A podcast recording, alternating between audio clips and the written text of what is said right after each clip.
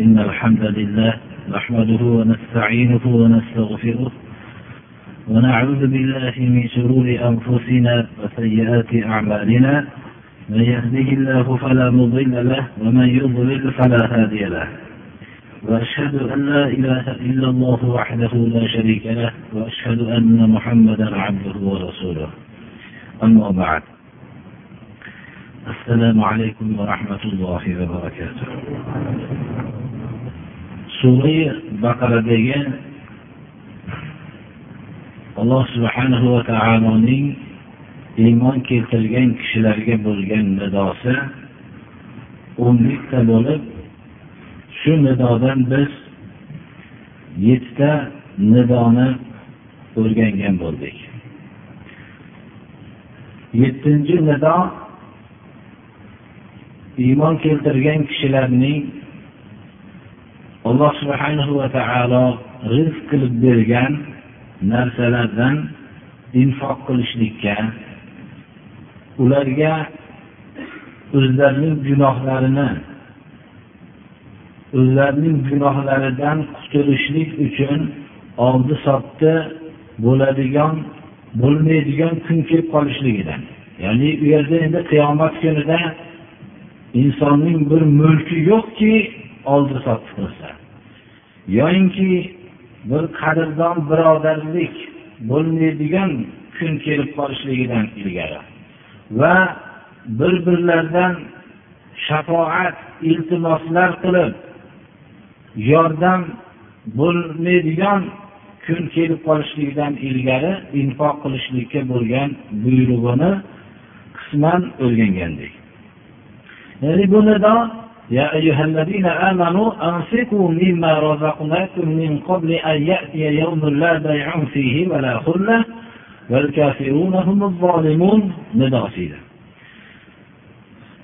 alloh subhanahu va taolo rizq qilib bergan narsalardan infoq qilishlikka buyurish insonni infoqqa chorlaydi ya'ni olloh rizq qilib bergan narsadan infoq qilyapman deb inson tasavvur qilmoqligi kerak. O'zim vujudga keltirgan narsa deb tasavvur qilmaydi mo'min kishilar. Mo'min kishilar o'zlarining mulklarini olloh subhanahu va taolo rizq qilib bergan narsa deb e'tiqod qiladi. Demak alloh subhanahu va taolo rizq qilib berdi va boshqalar uchun ham rizq berdi. Ba'zi bir bandalarni sharafli qilishligini mukarram qilishligini iroda qildida bir kishiga beradigan rizqning biror bir kishining qo'li orqali yetib borishligini iroda qildi. Mana bu inson beruvchi kishini mukarram qilinganligiga dalolat qiladi. U minnat qilishlikni yoniga ham borolmaydi. Balki mo'min kishi o'zi dunyoqarashi alloh subhanahu va taolo kishilarga rizq qilib berayotgan narsani meni qo'lim orqali berishlikni iroda qilib menga alloh subhanahu va taolo mana bu berishlik sharafini berdi deb e'tiqod qiladi. Bu infoq haqidagi oyatlar sura baqarada salkam uch bet bayon qilingan. Qayerlarga infoq qilishlik kerak? Qanday suratda infoq qilishlik kerak? Mana bu ta'limi ilohiy bizlarga ta'lim bo'lmoqligi kerak. Ular biz shunga muvofiq infoq qilmoqligimiz kerak. Ollohni yo'lida bo'lishligi kerak infoq. Shayton yo'lida bo'lmasligi kerak. Shayton yo'lidagi bo'lgan infoqlar qaysilar? Ollohga osiy bo'linadigan yo'lda sarf bo'lgan infoqlar hammasi shayton yo'lidagi infoqlardir. Shariati islomiya harom qilgan narsalar yo'lida sarf qilingan infoqlar hammasi shayton yo'lidagi infoqlardir.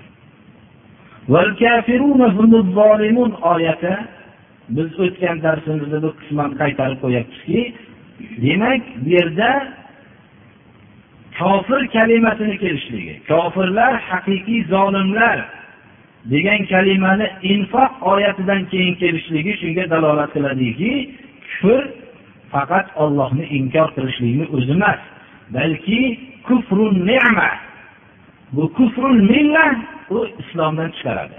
Ya'ni islomga kofir bo'lishlik bu insonni dinsizlar qatoriga qo'shadi.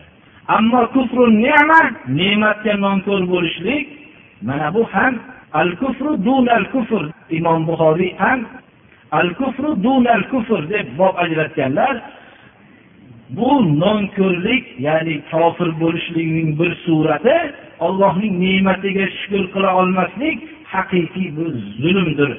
Infoq oyatdan keyin kelayotganligi vallohu alam shunga dalolat qilsa kerak. Shuning uchun ham ayollarning o'zlarini turmush o'rtoqlarining marhamatlariga shukur qilolmaslikni ham hadis shariflarda kufr kalimasi bilan iste'mol qilingan. Rasululloh sollallohu alayhi vasallam id kunida ayollarga vallohu alam alohida bir maviza qilganlarida yoki id kunida maviza qilganlarida aytdilarki ey ayollar jamoasi sadaqotlar qilinglar chunki ahli jahannamni ko'pini ayollardan ko'rdim dedilar. Shunda ayollarning ba'zilari savol qilishdilarki sababi nima yo rasululloh deyishganlarida aytdilarki yakfurna kofir bo'lishadi.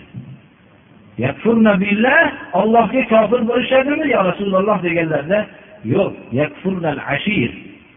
O'zlarining turmush o'rtoqlariga nonko'rlik qilishadi dedilar. Ya'ni shuni ne'matlarni bilishmaydi dedilar. Shu demak umumiy suratda kelyapti bo'lib ham infoq oyatidan keyin kelyapti. Ollohning bergan ne'matlariga shukur qilolmaslik ham kufrning bir turi ekan. Agarchi o'zi islom millatidan chiqarib tashlamasa ham mana bu ayollarning turmush o'rtoqlariga shukur qila olmasligi mana bu ham jahannamga kirishlikka sabab bo'lishligini bayon qildi. Va hamda kufrning ollohning ne'matlariga shukur qilolmaslikning bitta surati olloh yo'lida infoq qilolmaslik ham shukur qilolmaslikdir chunki shukur har bir narsaning shukri o'zining jinsidan bo'ladi. Tilni shukri ollohga shukur qilib til berganligiga ollohni zikri bilan tilovat bilan mashg'ul bo'ladi va bu tili bilan amr ma'ruf qiladi nahiy munkar qiladi. Mana bu til bilan bo'lgan shukurdir. Qo'li borligiga shukur qilishlik bu qo'l bilan ollohni buyruqlarini bajarishlikka harakat qiladi. Olloh man qilgan narsalardan o'zini tiyishlik bilan shukur qiladi. Oyog'ining shukuri ham olloh buyurgan joylarga borishlik bilan olloh buyurgan joy buyurmagan o'rinlarga balki olloh qaytargan o'rinlardan bosh tortishlik bilan bormaslik bilan shukur qiladi. Mana bu ham ne'matlarga shukur qilishlikdir. Ne'matlarga shukur qila olmaslik nonko'rlikdir. Inson moliga moli davlat bo'lib alloh subhana va taolo haloldan rizq berib davlatmand qilganligining shukri mana shu narsa moli davlatni olloh buyurgan joylarga sarf qilishlik bilan. Olloh buyurgan joylarga sarf qilishlik islom bu bilan o'zining tamomiy kambag'al bo'lishligini talab qilmaydi. Birinchi o'ziga va o'zining yaqin kishilariga muruvvat qilishligini islom sadaqot kalimasi bilan ifodaladi. Rasululloh sollallohu alayhi vasallam aytdilarki o'zingdan boshlagin sadaqot. Ya'ni o'zingdan boshlagin o'zingga sadaqa qilgin deydi. O'zining hojatlariga o'zining shariatga muvofiq yurishligi uchun sarf qilingan molni islom sadaqot kalimasi bilan ifodaladi demak inson islom istilohida o'ziga sarf qilib ham ajrlanadi mana bu undan oshgandan keyin yaqin qarindoshlarga deydi. Mana bu yaqin qarindoshlarga muruvvat qilishlik ollohni buyrug'i ollohni buyrug'ini bajarishlik bilan buni ham sadaqot kalimasi bilan rasululloh sollallohu alayhi vasallam hadisi muboraklarida ifodaladilar. Bu bilan ham ajrlanadi. Biz mana bu narsani tushunishligimiz bilan infoq qilishlik olloh yo'lida molimizni sarf qilishlikdan boshqalar bizni islomga qilgan tuhmatlarning bekor ekanligini bilamiz. Chunki ular o'zini birinchi sarf qiladigan molni afzalini o'ziga sarf qilishligini aytdilar. Insonning molini rasululloh sollallohu alayhi vasallam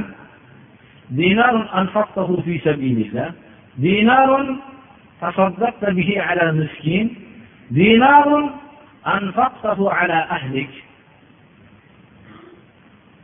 Uchga bo'ldilar. Birinchi olloh yo'lida sarf qilingan mol va miskinga berilgan mol va o'zining ahllariga oila a'zolariga sarf qilgan mol dedilar. Va shuning ichida o'zining ahliga sarf qilgan molni eng ajri katta dedilar. Nima uchun? Jamiyatdagi hammasi kambag'allik muhtojlik muammosi har bir kishi o'zining oilasi qaramog'idagi kishilarni ta'minotini yetarli qila olmaslik natijasida vujudga keladi. Agar insonlar o'zlarining qaramog'idagi kishilarni yetarli miqdorda ta'minlasha olsalar bu jamiyatda muhtojlik bo'lmaydi. Shuning uchun rasululloh sollallohu alayhi vasallam mana mazmuniy ma'nolarni aytamiz. Eng hotamtoy bo'lgan odam sadaqot qilib eng katta ajr oladigan odam o'zining ahliga sarf qilishlik bilan oladi dedi. Mana bu narsa alloh subhanahu va taolo infoqqa buyurayotgan vaqtda biz rizq qilib bergan narsani infoq qilinglar. Qiyomat kelib qolishligidan ilgari infoqqa buyurgan vaqtda birinchi inson o'zining ahliga sarf qilgan molni ajri ko'p bo'lgan mol ekanligini o'zining payg'ambari islom payg'ambari muhammad alayhissalomdan buni o'rganadi. Shundan biz o'zimizga xulosa chiqaramizki biz hotamtoy deb kim aytamiz? Birinchi o'zini ta'minlagan va ahillarini ta'minlagan shu ahillarini islomni o'rganish yo'lida farzandlariga infoq qilib yurgan kishining eng katta xotamtoy deymiz.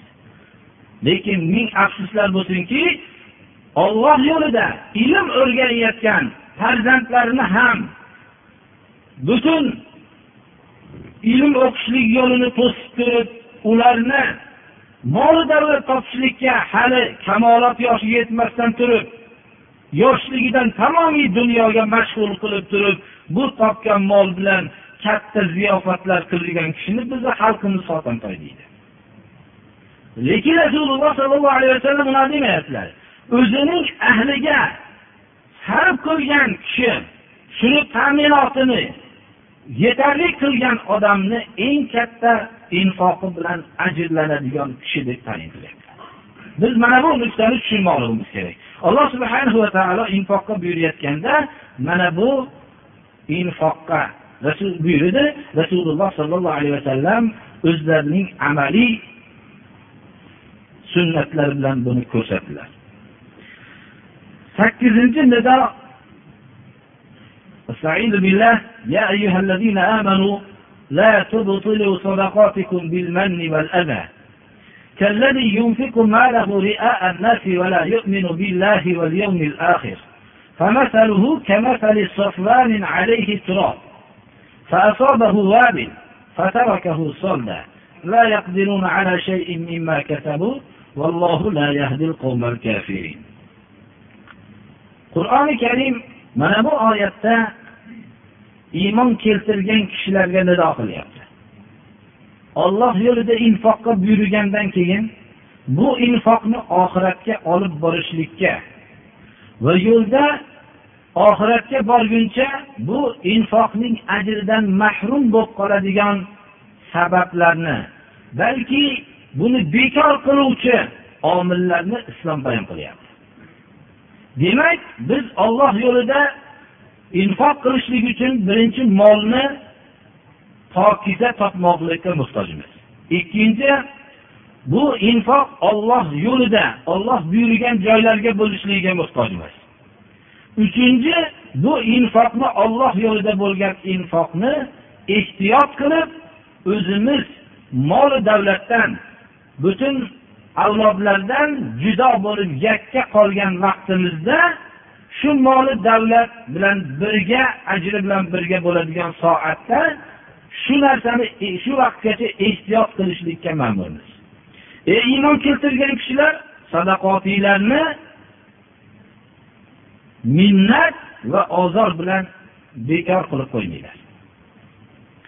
Demak sadaqotlarni bekor qiluvchi narsa nima? Birinchi minnat. Ikkinchi ozor. Ya'ni berilgan kishiga ozor berishlik. O'zining moli davlatini unga sarf qilganligini bilan zo'ravonlik qilib ozor berishlik sadaqotlarni bekor qiluvchidir. Uchinchisi moli davlatni infoq qilishlik olloh buyurgan joylargayu lekin riyo uchun qilinyapti. Olloh yo'lida infoq qilishlik o'zi qiyin.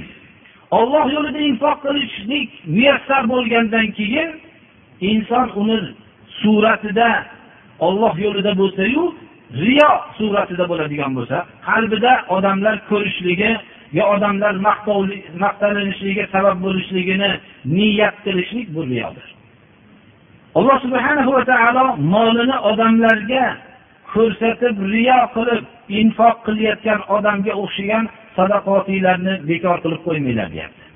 Demak odamlarga riyo qilib sadaqotini bergan kishining sadaqotlari botil bo'lib tugaganligida shak shubha yo'q. Shunga o'xshatilyapti. Arab tilida mushabbahun bih degan narsa o'xshatilingan narsa kuchliroq bo'ladi. Misol qilib aytsak falonchining yuzi gulga o'xshaydi desak guldagi qizillikka o'xshatsak guldagi qizillik kuchliroq uning yuzidagi qizillikdan bo'ladi. Qur'oni karim bu yerda minnat bilan ozor bilan sadaqotinglarni bekor qilib qo'ymanglar xuddi odamlarga riyo bilan sadaqotlarni qilgan odamning sadaqoti bekor bo'lganga o'xshagan. Demak riyo bilan qilingan sadaqotning bekor bo'lganligida shak shubha yo'q. Degan ma'no chiqadi.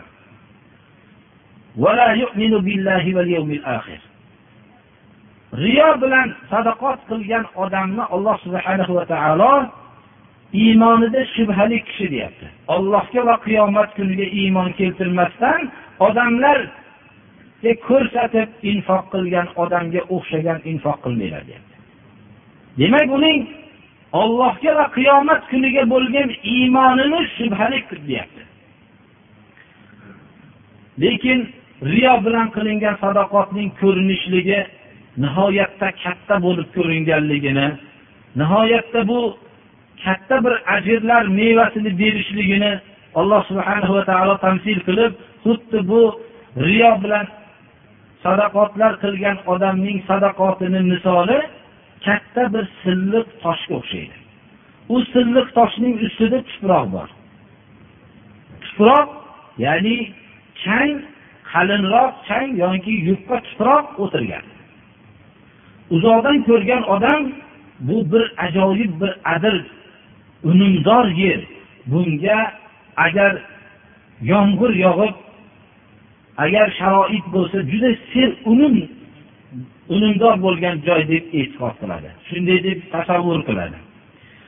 Lekin ustida tuproq bo'lgan bo'lsa tepadan tushgan odatda adirning ustiga qattiq yomg'ir yog'sa u yerda ko'p narsa ko'karib chiqardi. Bu silliq tosh bo'lib ustida biror chuqurchog'i yo'q. Sofan arab tilida silliq tosh.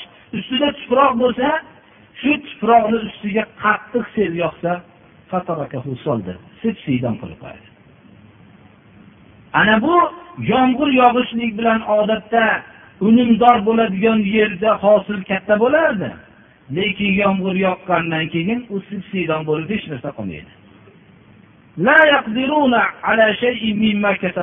Qilgan narsalardan biror narsaga riyokor kishilar qodir bo'lmaydi.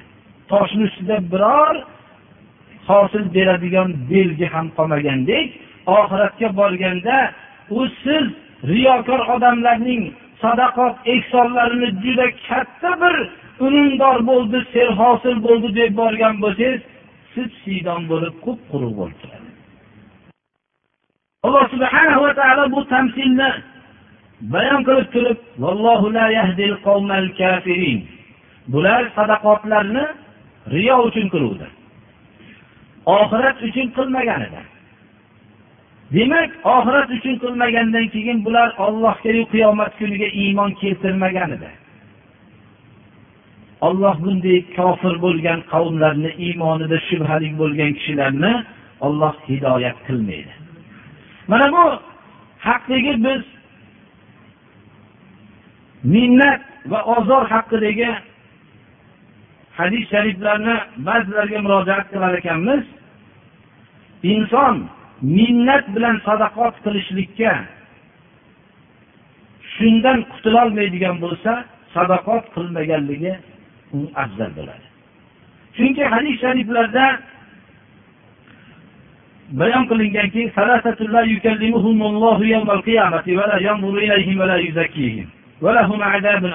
uch toifa borki olloh ularga qiyomat kuni gapirmaydi. Ularga qaramaydi ularni pokizalamaydi ularga alamlantiruvchi azob bor. Birinchisi al musbil ya'ni belidan pastida kiygan kiyimini oshig'ini bekitadigan holatda kiyib yurgan kishi. Birinchisi shu al musbil izar kindigining pastiga kiyiladigan libosni aytamiz. Birinchi shu odamga alloh subhanava taolo gapirmaydi qaramaydi qiyomat kuni pokizalamaydi. Mana bu birodarlar birinchi uchta baxtsiz odamning bittasi. Ikkinchisi minnat qiluvchi ko'p og'zidan doim minnat eshitasiz. Biror narsani bir kishiga bergan bo'lsa minnat qiladi. Buni infoqi beminnat bo'lmaydi. Minnat bilan bo'ladi doim. O'zi asli arab tilida man shirani aytadi. Shira yaxshi narsa bo'lsa kerak deysiz lekin hosil berayotgan narsaga shira yaxshi narsa bo'lmaydi. Qaysi hosil berayotgan narsaga shira tushsa albatta bu mevani yo'qotadi. Man deb arab tilida shirani aytadi. Minnat ham insonning ehson sadaqot daraxtiga tushgan shiradir. Mannon juda ko'p shira doim bitta meva har bitta mevaga bitta shirani yopishtirib qo'yadi. Qachon bir narsa bersa orqasidan bu meva bo'ldi orqasidan bir shirani ham qo'yib qo'yadi. Albatta har bir mevaga bir alohida bir shira bo'ladigan bo'lsa u mevani albatta yo'qotadi. Alloh subhanahu va taoloning huzurida baxtsiz bo'lgan odamlarning bittasi olloh yo'lida infoq qilgan takror aytamiz bid'at yo'lida xilofi sunnat yo'lida ehson qilgan emas. Olloh buyurgan yo'lda ehson qilgan. Olloh buyurgan joylarga sarf qilganu minnat qilgan. Mana bu odam baxtsiz odam uchta toifaning ikkinchisi. Uchinchisi yolg'on qasam bilan molini o'tkazib yuborgan odam. Oldi sotdini ishida yolg'on qasam bilan molini o'tkazib yuborgan odam. Riyo haqidagi hadis shariflarni ko'p biz o'qib o'rganganmiz. Riyo haqidagi hadislarni agarki boshqa o'rinlarda ham aytib o'tgan bo'lsak hozirda shuni mazmuni bilan kifoyalanamiz. Shu riyo ning qanchalik yomon ekanligiga dalolat qiladi. Abu hurayra roziyallohu anhudan rivoyat qilingan hadis sharifda uch toifa odamni alloh subhanahu va taolo huzurida qiyomat kuni birinchi hukm qilinadi. Avval hech kim hukmi boshlanmasdan turib uch toifa odamni hukmi qiyomat kuni ollohni huzurida hukm qilinadi. Bu uchar toifa eng ulug' insonlar deb gumon qilingan kishilar. Birinchisi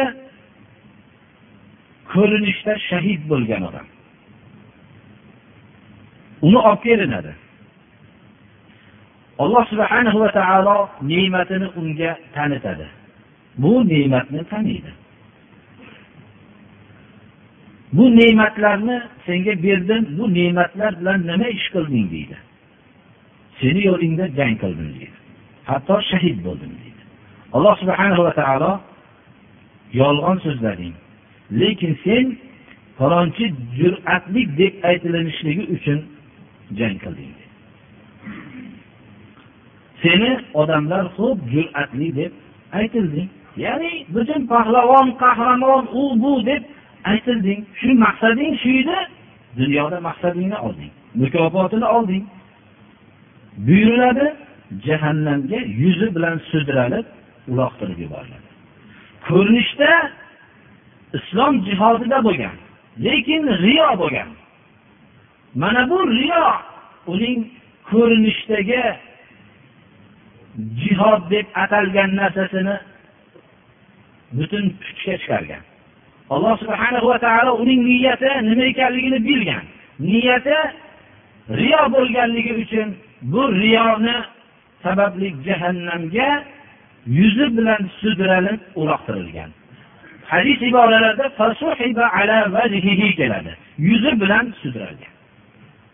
Insonni suhiba kalimasi arab tilida suhiba ala vajhihi oyog'idan yuzini yerga qo'yib turib sudralganlik holatini aytadi biz insonlar huzurida eng katta bir amalni bajargan lekin riyo bo'lganligi uchun jahannamga uloqtirilgan ikkinchisi ilm o'rgangan kishi va faqat ilm o'rgangan emas birodarlar ilmni o'rgatgan ham. Qur'on o'qigan ya'ni qur'onni bilgan qur'on o'qigan kishini qur'oni qur'onni bilgan kishini bilib o'qigan odamni aytamiz. Ilm o'rgangan birovlarga o'rgatgan qur'onni ma'nolari bilan bilgan. Biz bilan sizni oldimizda eng ulug' odam deb gumon qilinadi. Haqiqatda ham ulug' odam. Olloh yo'lida shu ilmni o'rgangan bo'lsa olloh yo'lida o'rgatgan bo'lsa olloh yo'lida qur'onni bilib bildirgan bo'lsa haqiqatda ulug' odam lekin shu ulug' amal agar riyo bilan bo'ladigan bo'lsa qiyomatda imom muslimning jomi sahihlarida keltirilyapti bu hadis. Abu hurayra roziyallohu anhu rivoyat qilyaptilar. Rasululloh sollallohu alayhi vasallam aytyaptilar. Alloh subhanahu va taoloni huzuriga olib kelinadi. Ne'matlarni tanitadi. Ne'matlarni taniydi. Nima bu ne'matlar bilan amal qilding deydi. Amal so'raladigan narsa. Mana bu narsani bilaylik. Amal qiyomat kuni so'raladigan narsa. Ilmni o'rgandim o'rgatdim seni yo'lingda qur'on o'qidim deydi. Seni yo'lingda degan so'z javobda kelyapti. Avvalgisida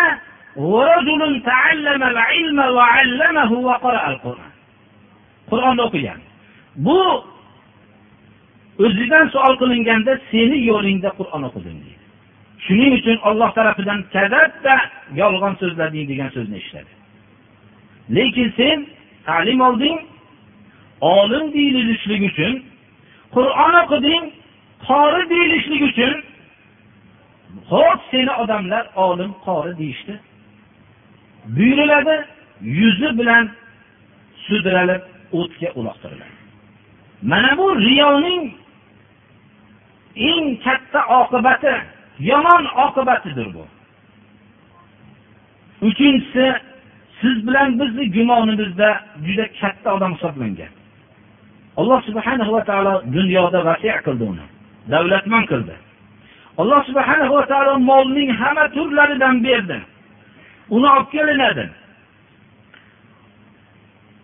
Ne'matlarni alloh taolo tanitadi. Bu kishi taniydi. Nima amal qilding deydi. Nima amal qilding deydi. Uchov suol amal so'ralyapti birodarlar. Biror sen sarf qilishligingni do'st tutgan yo'lni qo'ymasdan sarf qildim deydi. Birodarlar biz hali siz bilan bizga bunaqa odamni ko'rishlik muyassar bo'lgan emas ibora shuki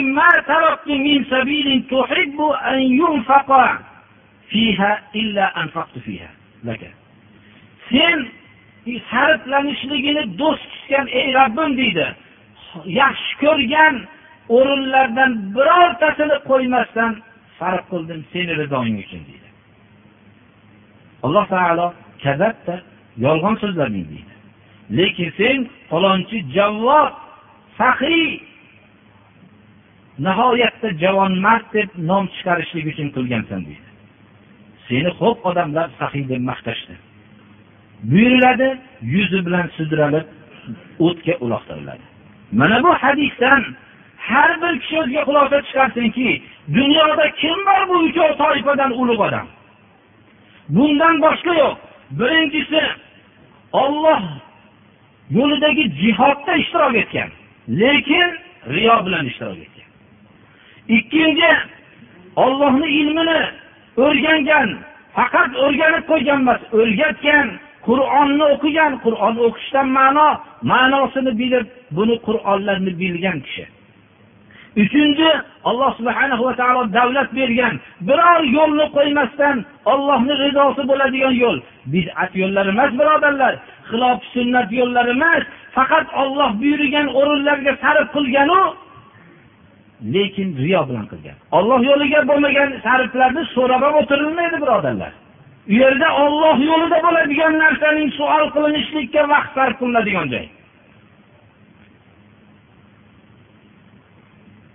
Mana bu hadis bilan agar biz o'zimizni tarbiyalamasak boshqa so'z ta'sir qilmaydi. Mana bu riyoning oqibati. Mana bu narsa eng yaxshi ko'zga ko'ringan amalning jahannamga yuzi bilan sudralib uloqtirilishlikka sabab bo'ladigan amalga aylanib ketadi riyo bilan dunyodagi eng ko'ringan yaxshi amal mana bunday qattiq bir vahimalik bir holatga aylanadi. Shuning uchun alloh subhanahu va taolo bizlarni ogohlantiryaptiki ey iymon keltirgan kishilar sadaqotinglarni minnatu ozor bilan bekorga chiqarib qo'ymanglar. Xuddi molini odamlarga riyo qilib sarf qilib qo'ygan odamga o'xshagan. Allohga va qiyomat kuniga iymon keltirmasdan riyo bilan amal qilgan odamga o'xshagan sadaqotinglarni bekor qilmanglar. Demak biz sadaqotni ehtiyot qilishligimizni yo'li uch narsadan ehtiyot qilmoqligimiz kerak. Shuning uchun qur'oni karimning iborasi daqiqki yoki kim yaxshilikni qilsa emas kim yaxshilikni olib kelsa. Arab tilida bi bilan joa fe'li mutaaddiy bo'lyapti. Kim yaxshilikni oxiratga olib borsa u qilgan yaxshiligidan ko'ra ko'proq yoyinki o'n barobar yaxshilik beriladi. Biz hammamiz yaxshilikning o'n barobar bo'lishligini hech esimizdan chiqarmaymiz. ammo bu yaxshilik qanaqa yaxshilik oxiratga olib borgan yaxshilik mana bunga o'n barobar beriladi to'qqizinchi nido يا أيها الذين آمنوا أنفقوا من طيبات ما كسبتم ومما أخرجنا لكم من الأرض ولا تيمموا الخبيث منه تنفقون ولستم بآخذيه إلا أن تغمضوا فيه واعلموا أن الله غني حميد E, iymon keltirgan kishilar kasb qilgan narsanglarni pokizalaridan sarf qilinglar. Demak inson kasb qiladi. Bu kasb qilgan narsasining ichida pokizalari bor va nopoklari bor. Shariat buyurgan halol kasblar budan topgan narsalar pokiza toyibot deyiladi. Shariatga zid bo'lgan kasblar bilan topgan narsalar toyibot deyilmaydi.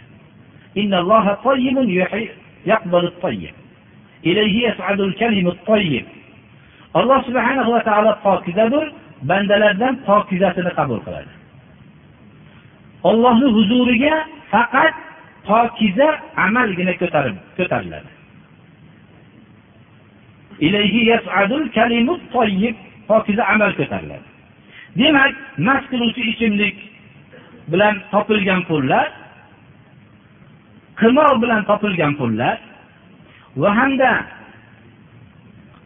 boshqa to'ng'iz go'shti shariatga zid bo'lgan shariat harom degan narsalar bilan topilgan pullarni har qancha o'zini tili bilan aytamiz.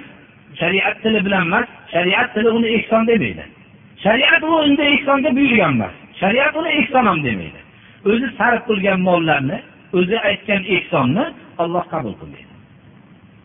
Mana bu narsani bilib qo'ymoqligimiz shuning uchun chunki bizni olloh buyuryapti iymon keltirgan kishilarni. Qimorvozlar sarf qilishligi mumkin. Mast qiluvchi ichimlik turishlar bular ham sarf qilishligi mumkin. Lekin bu nido iymon keltirgan kishilarga. Ey iymon keltirgan kishilar sizlar kasb qilgan narsaning pokizalaridan sarf qilinglar deyapti.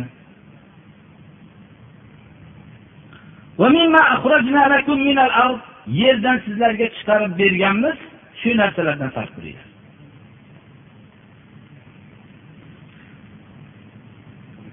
demak yerdan biz chiqarib bergan deyapti alloh taolo. Yerdan hech kim chiqargan emas xohlasin chiqarsin mana bir urug'ni tashlab chiqarsin.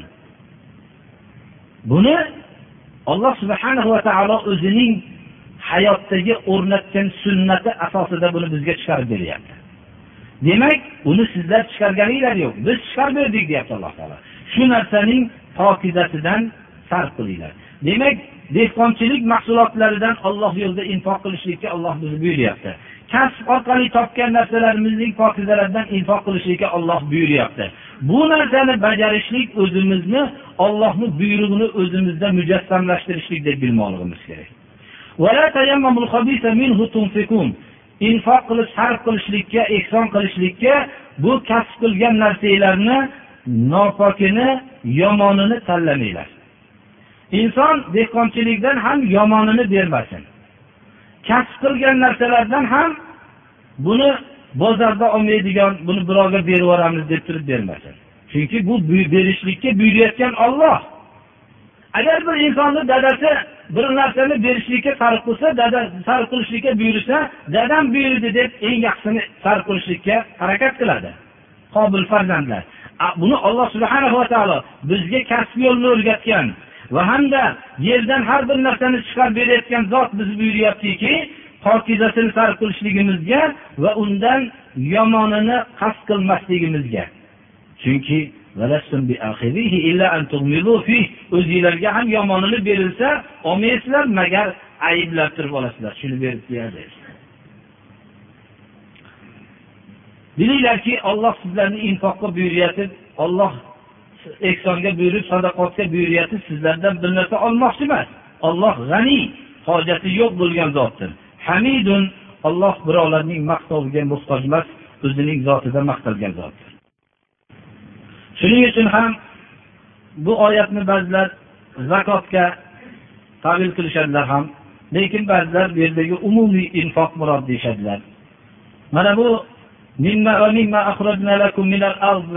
ulamolar mushtahidlar hadislar yordamida ushur mana bu narsalarni bizga ta'lim berishganlarki yerdan chiqarilgan narsalarning suv bilan bepul suv bilan sug'orishlik natijasida ungan dehqonchilik mahsulotlariga o'ndan bir berilishligi agar pullik bo'ladigan bo'lsa yigirmadan bir suv pullik bo'lgan suratda yigirmadan bir berishligini bizlarga mana bu e, boshqa yo'llanmalar asosida bizga shu narsalar ma'lum bo'lgan.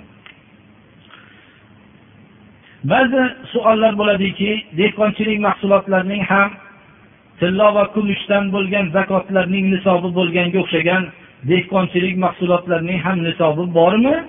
Yoinki ushir berilganda ozgina bo'lsa ham shuni beriladimi?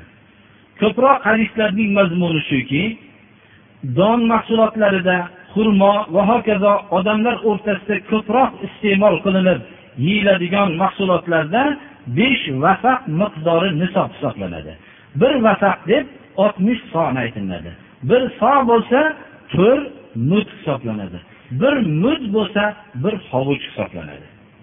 O'rtacha miqdordagi hovuchda bir mud bug'doy yoki o'rtacha miqdordagi bir hovuch hisoblansa to'rt hovuchi bir so bo'ladi. Oltmish so ya'ni oltmish so bo'lsa ikki yuz qirq hovuch hisoblanadi bir vasaq hisoblanadi. Shundan besh vasaq miqdori ba'zi ulamolar tarafidan buni qancha vazn kelishligi ham tayinlangan umumiy hisob shundirdi. Biz ixtilofli fikrlarga o'tmaymiz. O'ninchi nido alloh subhanahu va taolo iymon keltirgan kishilarni taqvoga buyuryapti. Va taqvoga buyurishlik bilan bevosita ribonidan voz kechishlikka buyuryapti استعيذ بالله. يا أيها الذين آمنوا اتقوا الله وذروا ما بقي من الربا إن كنتم مؤمنين. فإن لم تفعلوا فأذروا بحرب من الله ورسوله. وإن تبتم فلكم رؤوس أموالكم لا تظلمون ولا تظلمون. Ey iymon keltirgan kishilar ollohdan taqvo qilinglar. Ollohdan qo'rqinglar. Va qolgan o'rtanglarda qolib ketgan ribolardan voz kechinglar. Tashlanglar agar mo'min bo'lsanglar. Ribo butun dunyoda shoir bo'lgan amal edi. Rasululloh sollallohu alayhi vasallam payg'ambar bo'lib kelganlarida biror bir ribosiz muomala qiladigan odam yo'q edi magar olloh mustasno qilgan zotlargina bor edi. Mana bu ribodan voz kechishlikka alloh taolo buyurdi agar mo'min bo'lsanglar dedi. Hozirgi vaqtda ham bu ribo nihoyat darajada avj olgan amaldir. Islom riboni qat'iy harom qildi. Ribo bilan shug'ullangan odamni qiyomat kuni xuddi bir jin tekkan odamning dovdirab turishiga o'xshagan turadi qachonki jin shayton uni qattiq bir intizomsiz suratda urayotgan odam dovdirab qolgandaqa turadi.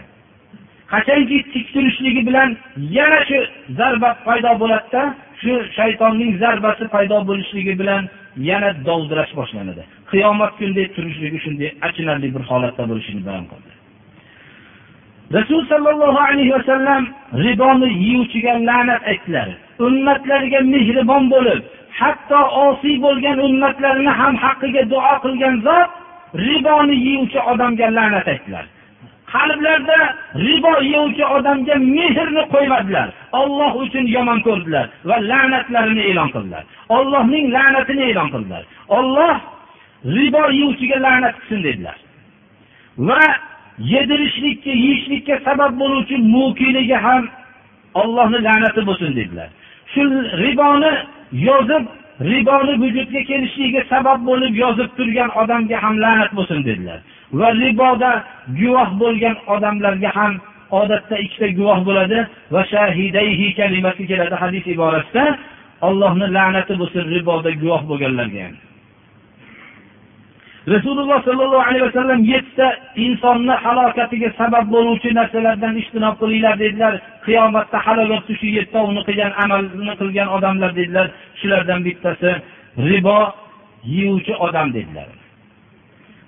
Demak riboni bilan shug'ullangan odamlarni pulni foydaxo'rligi riboni biz o'zimizni darslarimizda aytib o'tganmiz qisqacha aytamiz ribo ikki turli bo'ladi.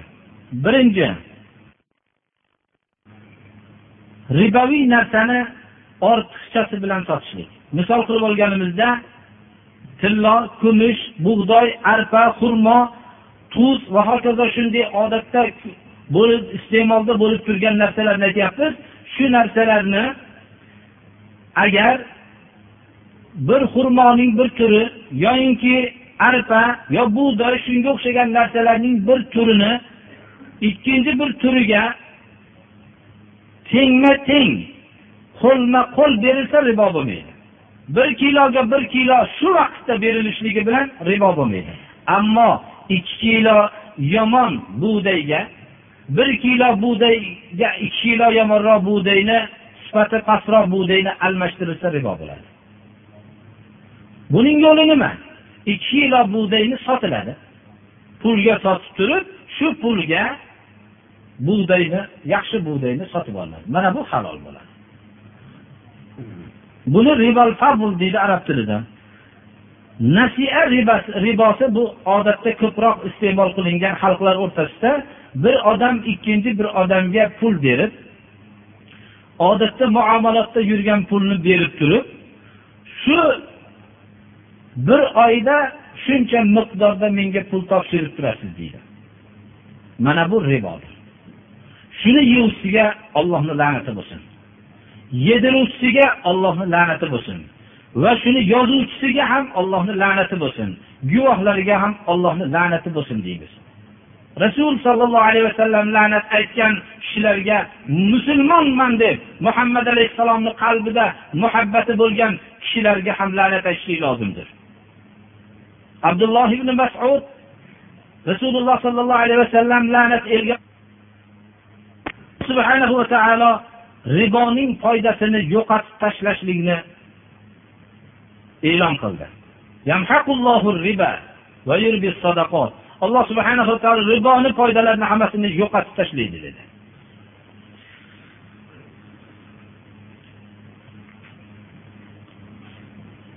Sura baqaradagi oxirgi o'n birinchi nido qarz haqidadir qur'oni karimdagi eng uzun oyat qarz haqida bayon qilingan oyatdir استعيذ بالله يا أيها الذين آمنوا إذا تداينتم بدين إلى أجل مسمى فاكتبوه وليكتب بينكم كاتب بالعدل ولا يأبى كاتب أن يكتب كما علمه الله فليكتب وليملل الذي عليه الحق وليتق الله ربه ولا يبخس منه شيئا shu oyatning oxirigacha qisqacha ba'zi mazmunlar bilan tanishtiramiz alloh subhanahu va taolo iymon keltirgan kishilarni nido qilyaptiki qarz muomalotlarni qilganda bir necha hukmlarni bayon qilyapti Bu hukmlarga rioya qilishlik zarur ekanligini bildiryapti. Shu qarz hukmlariga rioya qilmaslik mo'minlar o'rtasidagi qarzlarning o'talishligi yo'q bo'lib ketayotganligiga sabab ham o'zi qarz beruvchi odamlar deb aytasak to'g'ri bo'ladi. Chunki mana bu qarz hukmlarini hozir biz ba'zilarini o'rganamiz. Qarz hukmlarining birinchisi uch kundan uch kunlik yo uch kundan ko'ra ko'proq muddatga so'ralgan suratda kitobat qilishlik shartdir bu tafsirlar bilan bilyapmiz. Chunki ila ajali musamma oyatini dalolat qiladiki uch kun va uch kundan ko'ra ko'proq muddatga. Tafsir bilan shu ma'lum bo'ladi.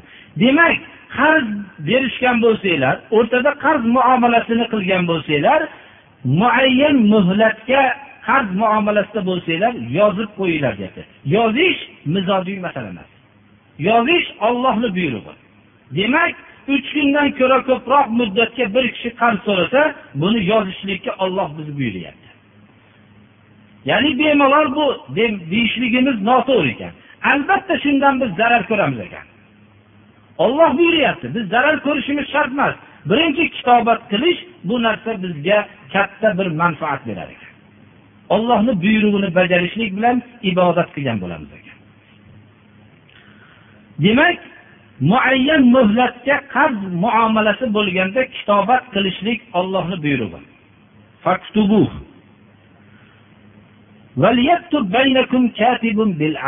O'rtanglarda kitobat qiluvchi adolat bilan kitobat qilsin.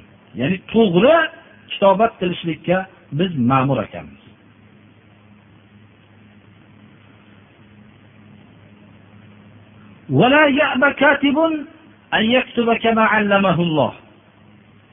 Demak qarzni kitobat qilishlikdan hamma xo'p deb kelavermaydi. Bir kotibni chaqirib shuni men falonchidan qarz olyapman. Shu o'rtadagi shu qarzimizni kitobat qilib qo'ying degan vaqtda kotib bosh tortmasin yozishlikdan. Olloh bunga yozishlikka qodir qilibdi bir imloni yozishlikni alloh taolo bildiribdi. Allohni bu ne'matiga shukur qilib kotib shu narsani yozishlikdan bosh tortmasin yozsin shuni. Yozuvchi ya'ni odamga imlo qilib aytib turgan kishi qancha miqdordaligini aytuvchi kishi haqni olayotgan qarzdor shuni yozdirsin.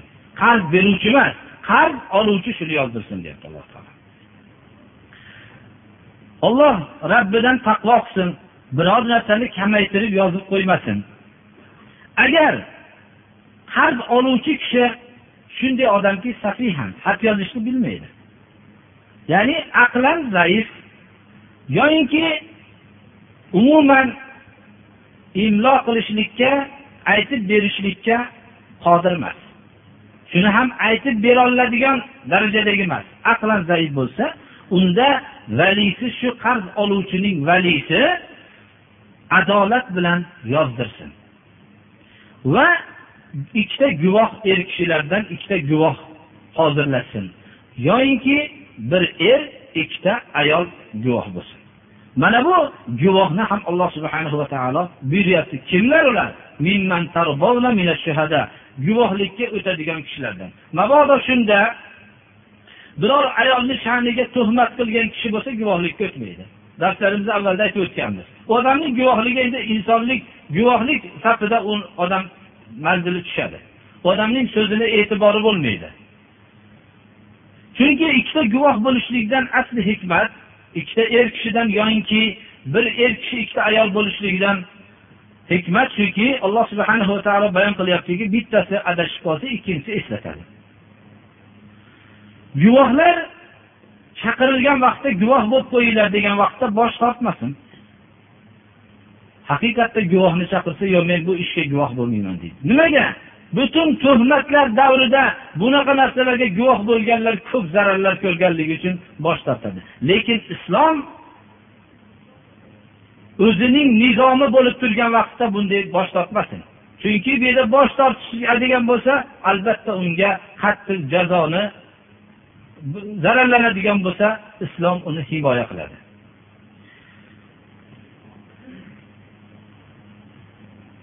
Kichkinami katta narsami muayyan muhlatga qarz olsanglar buni yozishlik qo'yishlikdan malollanmanglar. Shuni ham yozib o'tiramizmi demanglar yozib qo'yinglar. Alloh subhana va taolo islomiy jamiyatni pokiza jamiyat bo'lishligini iroda qiladi. Shu jamiyatda gina adovatlarni vujudga kelib qolishligini oldini oladi. Mana bu narsa bu narsa ollohni huzurida adolatliroq. Bu guvohlikka nihoyatda bir to'g'riroqdir. Shubhalanib qolmasliginglar uchun yaqinroqdir. Demak kalimasi juda og'irki ollohni huzurida adolatli degani qarz ollohni huzurida so'raladigan amal ekanligiga ishora bo'lyapti. Shuning uchun ham rasululloh sollallohu alayhi vasallam janoza namozini o'qishlikdan ilgari bu mayitni qarzi bo'lsa kim o'taydi dedilar. Men degan odam chiqmasa birodarlarni janozasini o'qinglar deb o'zlari o'qimasdilar. Shuning uchun ashoblar qarz bo'lishdan ehtiyot bo'lishardilarki meni janozamni rasululloh sollallohu alayhi vasallam o'qimay qo'ymasin dedilar. Islom g'animat ko'paygandan keyin aytdilarki endi bu mayitni qarzi bo'lsa men to'layman dedilar. Agar moli davlat qolgan bo'lsa merosxo'rlarga dedilar. Qodir bo'lganlarda shunday dedilar. Shahidning hamma moli mulk shahidning hamma gunohlari kechiriladi. Shahidning fazilatlari hisobsizdir birodarlar. Hammamiz buni ko'p eshitganmiz. Ammo qarzi kechirilmaydi dedilar. Qarz shu unga hijolatlik bo'lib turaveradi dedilar. Buni jibril menga xabar berdi dedilar rasululloh sollallohu alayhi vasallam. Magar kitobat qilmasliginglar mumkin tijorat o'rtanglarda idora qilib turgan naqd bo'lsin. Ya'ni uch kun muddatdan ozroq bir kunlik ikki kunlik va yo shu kunda bo'lib ado qilinadigan bo'lsa uni kitobat qilmasliginglar mumkin. Uni yozmasanglar sizlarga gunoh yo'q bay qilgan vaqtinglarda guvoh qo'yinglar. Ya'ni biror uyni savdosi bo'lsa yoyinki boshqa bir sayyorani savdosi bo'lsa u umuman biror bir narsalarning savdosi bay qilishgan vaqtinglarda guvoh bo'lsin dedilar. Alloh subhana va taoloning buyrug'idir bu. Yozuvchi qarzni yozib qo'ygan odamni zararlantirilmasin. Guvohlarni ham zararlantirilmasin. Agar shu yozib qarzni xolis yozib bergan odamni qarzga xolis guvoh bo'lgan odamni zararlantirsanglar bu sizlardagi fisq gunohdir deyapti alloh taolo. Ba'zi guvohlar bo'lishligi mumkin uzoqroqda turgan. Ba'zi guvohlar yozib bergan odamlar uzoq masofada turgan bo'lishligi mumkin. Hadeb guvohni chaqirib unga qancha chiqimlariga sabab bo'lishligi bu zararlanishligidir bu. Shunday zararlantirmanglar dedi. Yozishga buyurgan zot guvoh bo'lishlikka buyurgan zot yozishlikdan bosh tortmanglar degan zot guvoh bo'lishlikdan bosh tortmanglar degan zot yozuvchi va guvohni himoya qilib qo'ydi. Zarracha shuni zararlantirsanglar sizlarga fisq dedi alloh taolo.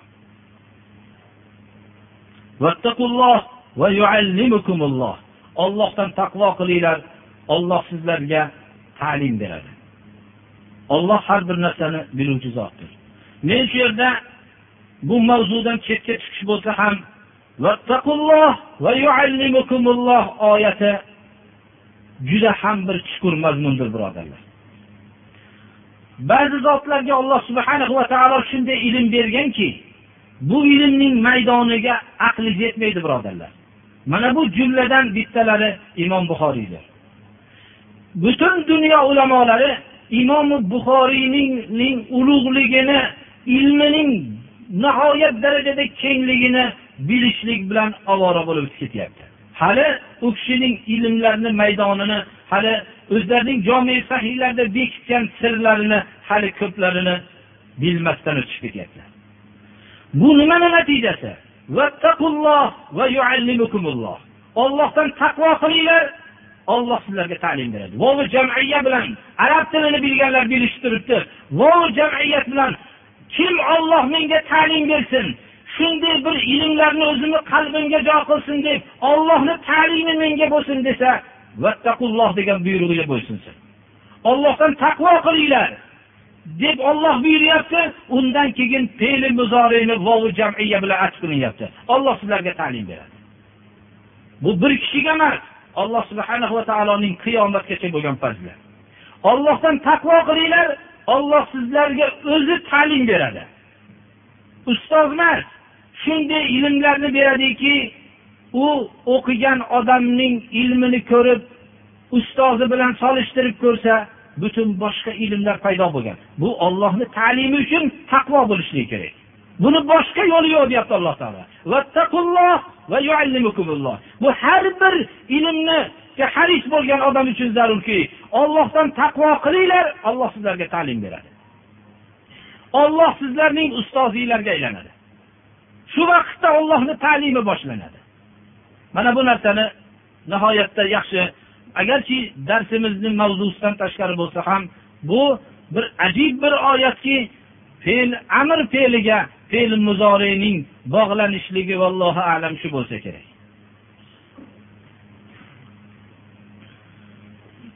Zakotlarni ba'zi bir dinda bo'lmagan qarindoshlarga berilsa bo'ladimi deb so'rabdilar. Islomni moyil bo'lib qolishlik niyatida bersa bo'laveradi.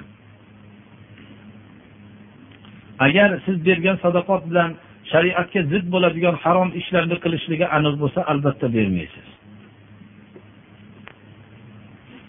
Bugungi darsda infoq sadaqot o'z o'zidan hojatlardan tashqari bo'lishlikni afzalligi gapirildi. Xatni mazmuni. Lekin o'tgan darslarda bo'lsa masruq degan sahoba muhtoj bo'lib turib birodarni hojatini o'taganligi gapirildi. Buni qanday tushunishlik mumkin degan savol o'tdi.